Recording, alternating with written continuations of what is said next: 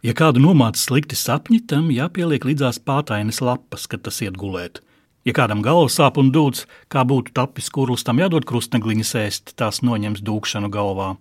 Ja sirds ir vāja un noskumusi, lai pagatavo deviņu vīru spēku ar gaļu vai zivi, tas stiprinās sirdi un darīs to līksmu. Kam miesa sākusi pūžņot, tam novāri vībotnes lapas un uzliek samitrinātu linu audumu uz brūcēm, bet, kad ūdens nogājis, arī pašas lapas uzliek tā turpini, līdz būžņošana pāriet. Ja cilvēks ir aizmāršīgs un grib to ārstēt, lai izspiež nātru sulu un ierīvē pirms gulētiešanas sev krūtis un deniņus, lai dara to bieži un aizmāršība pāries. Šīs ir tikai dažas receptes no darba fizika, jeb dažādas dabiskās radības deviņās grāmatās, ko sarakstījusi Hildegarde no Bingenes, benediktīniešu ordeņa mūķene, kas dzimusi 1098. gadā un nodzīvojusi ilgu mūžu, atstājot pēc sevis trīs sējumus ar vīziju pierakstiem, ap 400 vēstuļi, kas adresētas pāvestiem, karaļiem un abatiem, 70 muzikālus skaņdarbus, no kuriem zināmākais ir un iespaidīgākais ir ordo virtutum, jeb tikumu kārtība, kas sastāv no 82 dziesmām. Šodien mēs labi zinām Hildegardi kā viduslaiku mūzikas autori. Viņas darbi tiek bieži spēlēti un ierakstīti, bet vai jūs zinājāt, ka šī sieviete bija arī zinātniece, botāniķe un dziedniece?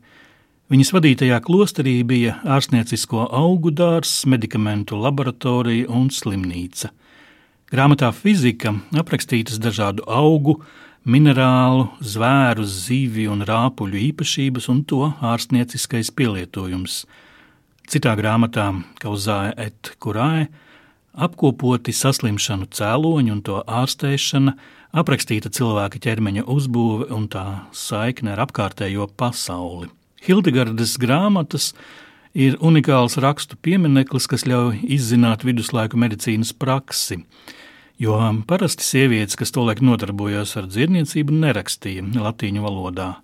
Taču šis darbs ir ievērības cienīgs ne tikai ar dažādām receptēm un padomiem par asins nolaišanu, interesantākais ir tā struktūra un sistemātiskā uzbūve, kas liecina par oriģinālu zinātnisku metodi. Sākot ar pasaules radīšanu un cilvēku kā tās augstāko virsotni, velkot paralēles starp cilvēka ķermeņa un kosmosa uzbūvi, skatot cilvēka seksualitāti, fizioloģiju un psiholoģiju saistībā ar apkārtējo dabu, nevis atrauti no tās.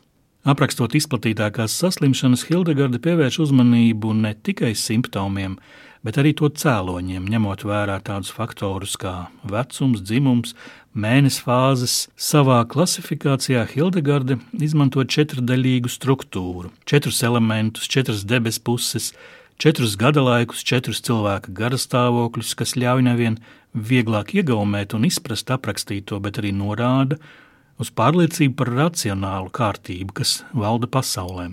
Pārsteidzošākais no viņas izgudrojumiem ir mākslīgi radīta valoda, lingva ignota, un īpašs alfabēts, kas kalpoja viņas klosterī kā slepens šifrs un veicināja mūķeņu savstarpējo solidaritāti, ļaujot tām sazināties brīvi un neatkarīgi no apkārtējiem.